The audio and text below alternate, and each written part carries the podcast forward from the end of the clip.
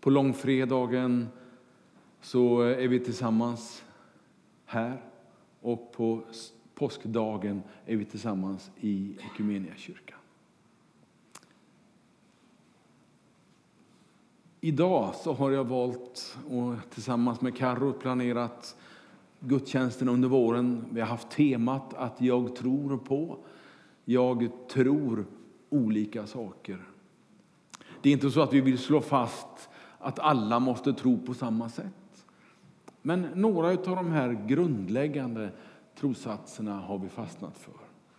Och idag så är mitt tema Jag tror på Messias. Och ju mer jag har läst, ju mer jag har forskat kring, kring Messias-temat, ju mäktigare blir det. Ju större blev mina anteckningar och ju mindre blev texten.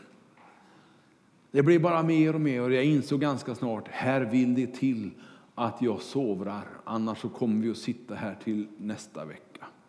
Det går ju bara inte. Jag har valt en text där Petrus bekänner Jesus som Messias. Vi ska läsa den, tänkte jag. Matteus 16, verserna 13 till och med 16. Jag, vi har planerat så att eh, vi ska få upp alla texterna på väggen här och skulle jag glömma någon så får du påminna mig med att lägga upp den i alla fall. Eh, för jag tycker det är så roligt att få läsa Bibeln tillsammans med er ibland också. Och inte bara, ni vet, tala Guds ord sådär, utan att vi verkligen slår upp bibelställena. Så har du med dig en bibel får du gärna försöka hänga med. Jag ska inte vara allt för snabb med att börja läsa. Det 16 kapitlet och från och med vers 13 då står det så här. När Jesus kom till trakten av Caesarea Filippi så frågade han sina lärjungar, vem säger Människosonen att Människosonen är? Och då svarade de, vissa säger Johannes döparen, andra Elia och andra Jeremia eller någon av profeterna. Och då sa han till dem, och ni, vem säger ni att jag är? Simon Petrus svarade, du är Messias, den levande Gudens son. Frågan om vem han är är lika aktuell idag. Vem är Jesus? Det finns många, både teologer och andra, som tycker att man har ett svar. Och jag tycker att jag har ett svar. Och du kanske tycker att du har ett svar. Men vem är han egentligen? Hur kunde han göra allt det som Bibeln beskriver att han gjorde? Var kom hans makt ifrån att göra dessa mäktiga under som Bibeln talar om? Och hur kan Messias ha betydelse för dig och mig? i vår tid. Jag kanske inte svarar på alla frågorna, men några av dem kommer jag att besvara och fundera kring. Och som vanligt så säger jag att jag inte alltid har alla svaren helt rätt och riktigt. Men jag har läst på ganska bra om det här. Så vi kan prata du och jag om du vill efteråt, om det är någonting du undrar. Messias, den smorde.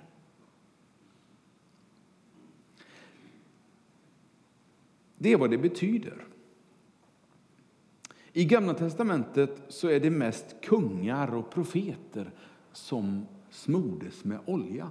Och Det var inte så att man tog någon liten dutt på handen och, och försiktigt eh, på armen eller sådär, utan det, det, var, det var en rejäl grej. Man hällde över dem olja. Det var att bli smord med olja. Jag vet inte om det var en liter eller någonting åt det hållet, för det rann ner, stod det i skägget på dem, olja. Jag hörde berättas om en, en, eh, en ung man som hörde om den där berättelsen och, och eh, kopplade ihop det med, med förbön och sådär. Att man kunde bli smord med olja när man, man ber tillsammans för någonting. Och så var det ju så att hemma på gården så var ju katten sjuk. Ja, vad gör en kille i tidig tonår? Han kopplar ihop alltihopa, så han tar ju ett rejält oljefat vet du, och häller över katten. Det var inte populärt hos katten, det kan jag ju tala om. Och vad som hände, det vet jag inte heller. Men man får ju olika bilder av hur det här går till och hur det ser ut och hur det är. Och han fick sin bild och gjorde i tro vad han tyckte var rätt och riktigt. Och här så har jag det lilla som jag brukar använda, en liten flaska med lite olja i. Och så tar jag den på min hand och så ritar jag ett, eller skriver ett kors så här lite enkelt i pannan och så ber vi tillsammans. Det är så jag gör idag. Men som sagt, på Bibelns tid så var det lite mer olja som man hällde över, så det märktes, det syntes. Det var inget snack om vad som hade hänt. Och det var när man skulle välja ny kung, eller när man skulle installera ny kung. Det var när någon skulle installeras som profet i Israel, så smordes man med olja. Man var inte Gud, man blev inte Gud, men man tjänade Gud. En del kungar tror ju fortfarande att de är Gud. Och En del blir avsatta och andra får gå väldigt länge i den tron. Men ingen ska inbilla sig att när man tar fram oljeflaskan att man blir Gud, att man blir helig. Man blir bara smord med olja. Och Gud gör någonting i en människas liv. Messias, ja det är ju den smorde på hebreiska i Gamla testamentet. Men går du till Nya testamentet så står det mycket talas om Messias också. Men i lite andra ord, i lite andra uttryck. Där finns det, och det känner du säkert väl igen, uttrycket Jesus Kristus. En del tror att det är Jesu efternamn, men det är det inte alls. För han hette förmodligen Jesus Josefs son. Jesus Josefsson skulle det kunna blivit eh, om det här varit väldigt modernt. Men Kristus, det var mera den smorde på grekiska. Så när du säger Jesus Kristus, då är det en bekännelse. Att du tillhör Jesus, den smorde. Den av Gud smorde inför påsken. Den av Gud smorde som världens frälsare. Det är det du säger när du, säger, när du använder uttrycket Jesus Kristus. Jag ska försöka att på några minuter, om det nu överhuvudtaget är möjligt, men ett försök i alla fall, att titta tillbaka lite grann på det vi kallar för Messias-löftet. Det är ett löfte som Gud ger väldigt tidigt i vår bibel. Du vet, en vacker skapelseberättelse i de första kapitlen. O, vad vackert det är. Och Gud är så nöjd. Det står att han, han njöt riktigt av sin skapelse. Det var så häftigt. Men sen händer det ju någonting. Människan kommer in och kraschar skapelsen. Det blir fel.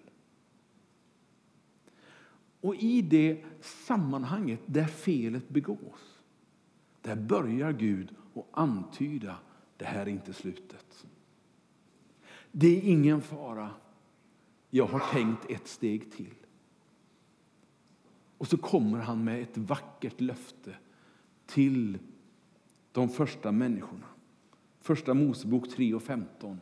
Och vi får upp det på väggen här också. Gud säger liksom till människorna ungefär så här, eller rättare sagt ganska exakt så här. Jag ska sätta fiendskap mellan dig, det är ormen, och kvinnan. Och mellan din avkomma, säger han till kvinnan. Nej, och mellan din avkomma, alltså ormens avkomma, och hennes avkomma, kvinnans avkomma. En fiendskap. Men han, kvinnans avkomma, han ska krossa ditt huvud, säger han till honom. Men du ska visserligen hugga honom i hälen. Ett mycket vagt löfte. Ett lite oprecist löfte, eller hur? Men jag som kan min bibel och har läst på, jag vet ju, jag kan ju resten. Vet du. Det är ingen överraskning för mig. Det är en beskrivning på det Jesus gör. Det är en beskrivning på fiendskapen mellan det onda och himlen Mellan Jesus och djävulen. Det står ju om det i evangelierna, hur han blir frestad, hur han får kämpa. Och när han kliver upp på korset så tror inte jag djävulen har riktigt fattat ännu vad som är på gång. Han har nog glömt det där löftet som gavs så långt tillbaka. Men ändå blir han en del när han stinger honom i hälen. Ja, det står ju inte bokstavligt på det sättet. Men han åsamkar mästaren Jesus Kristus stor smärta. Men Jesus besegrar honom. Han krossar ormens huvud. Redan i första Mosebok 3. Sen kommer det lite grann gång på gång i Bibeln. Abraham, trons fader brukar han kallas för. Han får ett löfte. Abraham, titta upp på stjärnorna. Du ska bli ett jättefolk. Du, det ska bli många som kommer efter dig, Abraham.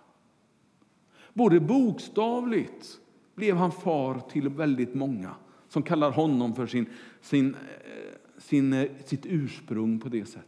Men också i andlig bemärkelse. Din tro, Abraham, ska göra att många följ, följer dig. Nu ska jag inte kliva på den, för då blir Mikael inte glad på mig. Så det gör vi istället. När han säger att, att Abraham, det är okej. Okay. Utifrån ditt släkte ska det komma någon. Och så får man en liten precisering utav löftet. Sen eh, lite längre fram så ni vet, kommer ju Josef och Jakob. Och Juda blir en del, Josefs bror. Juda blir en stamfader. Det blir tolv, kommer ni ihåg det här från religionsundervisningen och söndagsskolan och alla predikningar jag lyssnar på? Att liksom Israel blir indelat i tolv stammar. Där Juda stam är en av de tolv. En liten obetydlig stam i och för sig, men som fick ett jättelöfte. Ifrån din stam, Juda, ska det gå fram, ska det komma ett lejon. Det ska komma en mäktig man som likt ett lejon kommer att besegra det onda. Alltså det är så vackert när man följer det här i Bibeln. Ifrån, ifrån Juda så kommer också David, du vet, han, herdepojken, han som vallade får. Han som blev en kung, han som blev en av de mäktigaste kungar som Bibeln känner till. Men som ändå inte var perfekt. Men det är en annan berättelse.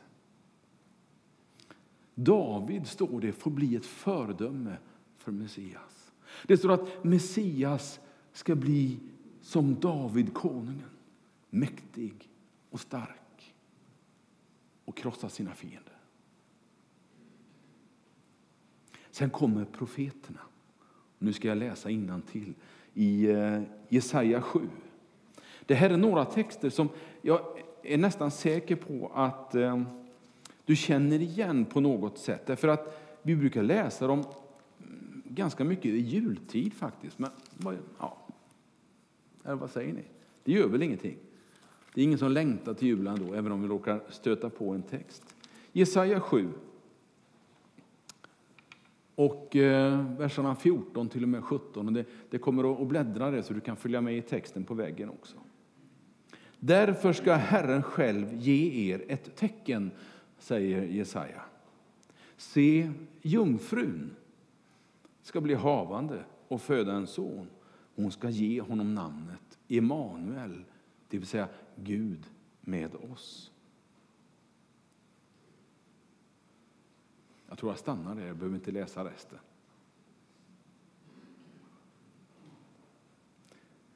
Nu är det lite mer preciserat. Va? Nu är det, nu är det en, en jungfru som är havande. Det var inte så ofta det hände, varken då eller nu. Men vi vet att berättelsen om Jesus där finns den berättelsen.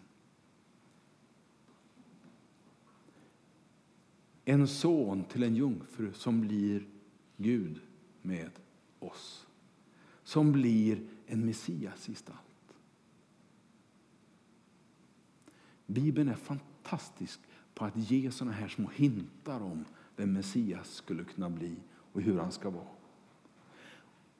Och i ett annat bibelställe så är det nästan som om Jesaja står bredvid korset och beskriver. Jesaja 53. Ska vi titta på det också? Jag Ska se så att det inte blir för långt här nu, utan att vi ska klara av det här. Jesaja 53 och vers 3. Ska vi se om jag kan hitta det i min bibel också.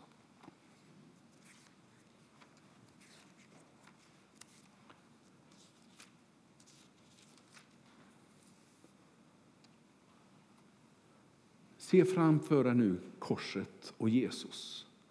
Och så läser jag. Han var föraktad och övergiven av människor. En smärtornas man och förtrogen med lidande. Han var som en man skyler ansiktet för, så föraktad att vi inte respekterade honom. Men det var våra sjukdomar han bar. Våra smärtor tog han på sig, medan vi såg honom som hemsökt, slagen av Gud och pinad. Ja, han var genomborrad för våra brott, slagen för våra synder och straffet blev lagt på honom för att vi skulle få frid. Det är nästan journalistiskt beskrivet av korsets mysterium och händelse. Flera hundra år innan det händer så är Gud där och inspirerar sin profet att säga det som skulle bli ett tecken på vem Messias var. Jag tror på Messias. Jag tror på Jesus. Ett sista profetställe, Jeremia 31, där Gud låter Jeremia få ett ytterligare ett tecken på vad han menar med Messias. Vad ska Messias göra? Vad är Messias uppgift? Jo, enligt Jeremia 31 och verserna 31 till 33, det kommer också på väggen här, ja det är så bra. Det är så bra. Se, dagar ska komma, säger Herren, då jag sluter ett nytt förbund med Israel Israels hus och med Juda hus. Kommer Juda tillbaka igen? Inte som förbundet som jag slöt med deras fäder den dag då jag tog deras land och förde dem ut ur Egyptens land. Förbundet med mig som de bröt fastän jag var deras rätta herre, säger Herren. Ja, du vet det där förbundet med Mose, lagtavlorna, de, alla de tio budorden. Det här blir ett nytt förbund. Så läser vi vidare vers 33. Nej, detta är förbundet som jag efter denna tid ska sluta med Israels hus, säger Herren. Jag ska lägga min lag, inte i en låda, utan i deras hjärtan. Jag ska lägga min lag i deras inre och skriva den i deras hjärtan. Jag ska vara deras Gud och de ska vara mitt folk. Det var Guds tanke med Messias. Att liksom hans vilja till närvaro och gemenskap den skulle bli här inne på ett väldigt tydligt sätt. Och det skulle Messias åstadkomma. Det var löftet ifrån profeterna. Det var beskrivningen från profeterna. Det finns många fler. Jag hinner inte med dem. Jag har inte ens intentionen att försöka. Därför att jag vill så gärna ta min sista punkt också, att tro på honom. Jesus pratar nästan aldrig om sig själv som Messias. Vad säger han om sig själv? Jo, han, pratar om, om, eh, om ett Gudsrike, till exempel. Han pratar om sig själv som, som liksom en konung i riket. Men han säger inte att han är Messias. Han talar om Människosonen. Skulle Jesus börja tala om Messias på den här tiden när han gick runt och undervisade, då skulle han starta ett uppror. För bilden av Messias på Jesu tid, det var att Messias ska komma. Han ska komma med en mäktig armé och han ska frigöra Israels folk ur romarnas förtryck. För det var den bilden man hade, den längtan man hade, den innersta superlängtan om man får använda barnledaruttrycket. Han skulle vara en superhjälte som fixar allting. Men det var inte Guds tanke. Det var inte Guds tanke med Messias som Jesus fick gestalta. Utan det var någonting som hade med hjärtat att göra, det inre att göra. Där måste vi börja, tänkte Gud. Jag kan inte fixa allting yttre först. Jag måste ta det inre först. Jag måste ge dem en möjlighet att få sin synd förlåten. Jag måste ge dem en möjlighet att få göra upp och bli försonade med mig. Det var Guds tanke. Sen löser vi det andra. Och vi är fortfarande i sen. För det är ju inte löst än. Det är ju inte frid på jorden, eller i alla fall inte sist jag kollade. Men det är frid i hjärtat. Där är vi fortfarande.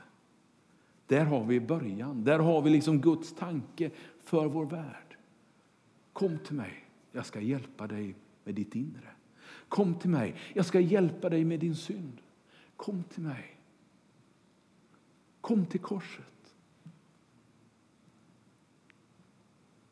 Vi går dit tillsammans.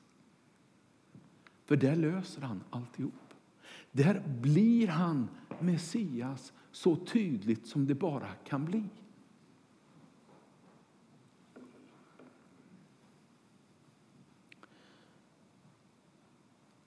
Josef, du vet Jesu jordiska far, han hade ju egentligen ingen jordisk far, men ja, han var med och, och uppfostrade Jesus i alla fall. Marias man Josef. Han fick en änglauppenbarelse som nästan ordagrant hänsyftar till det här vi läste ur Jesaja-boken 7. Om jungfrun som skulle bli havande. Det var precis det han fick av ängeln. Josef, ta det lugnt. Jag vet att det här är omvälvande. Det är inte riktigt vad det du räknar med skulle hända när du, när du vill gifta dig med Maria. Men Josef, det är ingen fara. Därför att redan profeterna har sagt det du ska föra med dem. Att din hustru hon ska bli havande som jungfru och föda en son. Och det är Messias. Och med det så liksom lugnade lite grann av Josefs oro, tror jag. Och han fick vara med och uppfostra Messias. Min frälsare, din frälsare. När Jesus sen rider in på Jerusalem, det vi kallar för palmsöndagen. Matteus 21 och 9. Jag tror jag har den också som en bild. Där kom den också, ja, vad bra. Matteus 21 och 9. Jag läser inte de långa eh, sekvenserna, utan jag rycker ur det lite grann ur sitt sammanhang. Men är du nyfiken så, så, får du gärna komma till mig så ska du få en kopia på hela mitt manus och så kan du läsa varenda bibelställe och läsa bakom och framför och hit och dit precis hur mycket som helst. Jag tror det håller för, för det här. Det är folket som eh, Jesus närmar sig Jerusalem. Och folk blir alldeles till sig. Han har ju undervisat, de vet ju om ryktet går. Han har ju gjort massor av under. Det här måste vara Messias och nu kommer han. Nu ska han rädda oss. Nu ska romarna få. Hur kommer han? Han kommer i jubel. Men han kommer inte på en stor vit krigshäst. Han kommer på en enkel åsna och rider in i Jerusalem. Det var nog lite mixade tankar där, tror jag. Men lärjungarna skulle förstå lite senare vad det var som hände. Det står så här.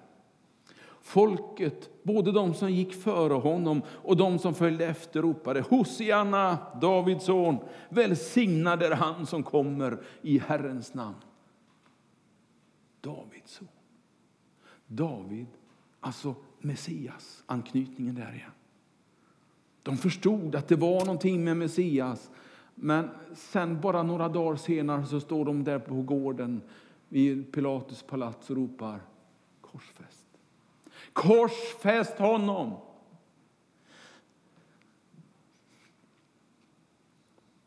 Och där hade nog du och jag varit med. Vi är ju så lätta att förledas. Det är ju så lätt att följa med strömmen. Men Gud har inte kallat kristna över hela världen för att följa med en världslig ström.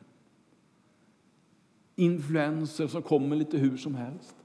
Utan du och jag är kallade att följa Messias. Följa Jesus Kristus, Guds son. Även om det ibland kostar på något. Så är vi kallade att följa honom i alla fall.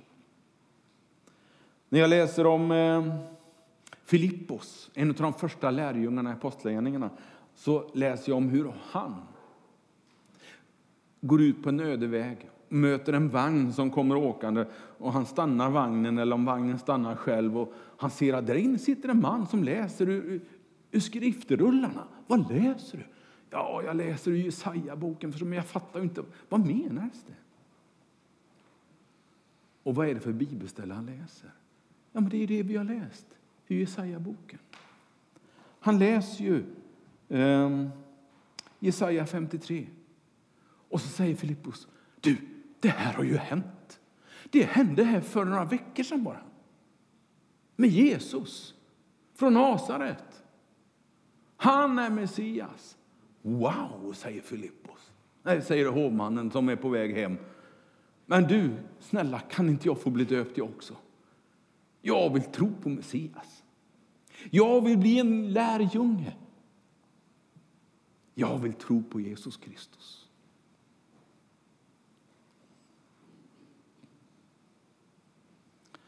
Och i vår text som vi börjar med att läsa så läste jag om hur Petrus fick frågan.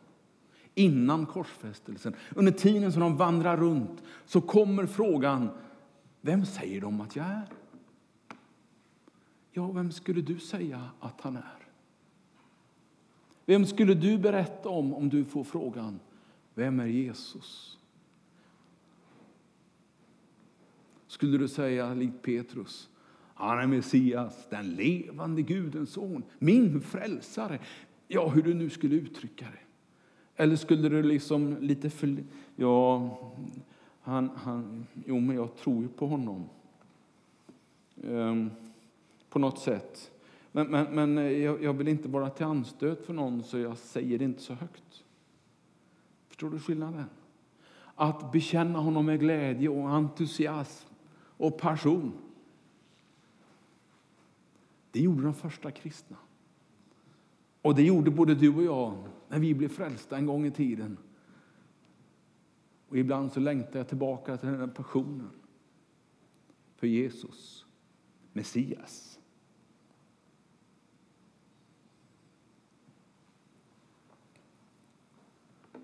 Jag tror jag säger amen.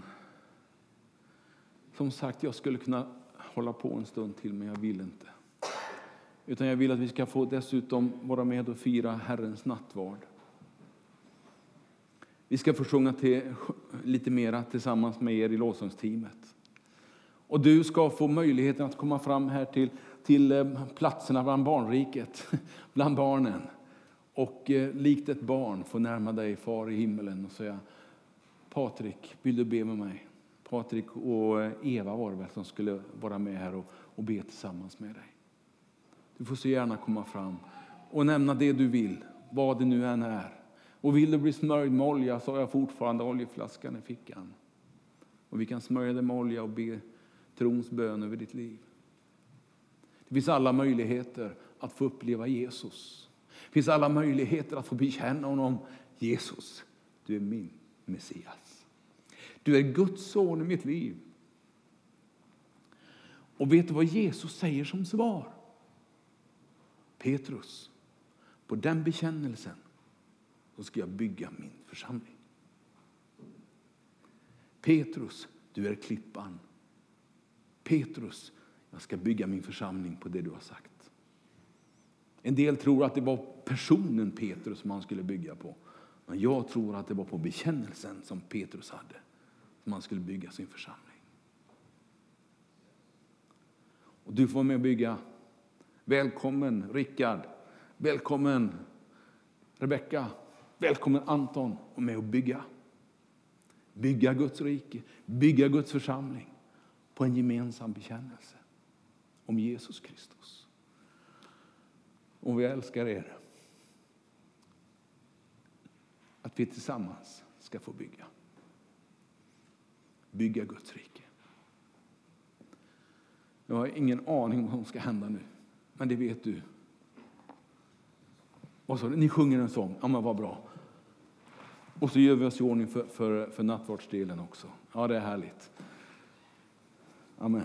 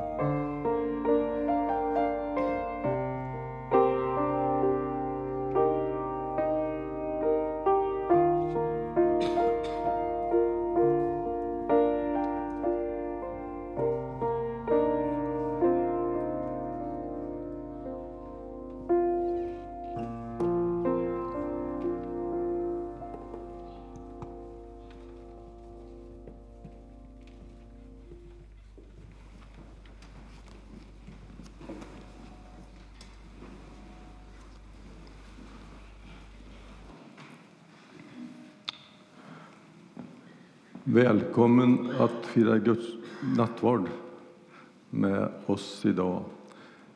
Du som tror eller du som vill tro.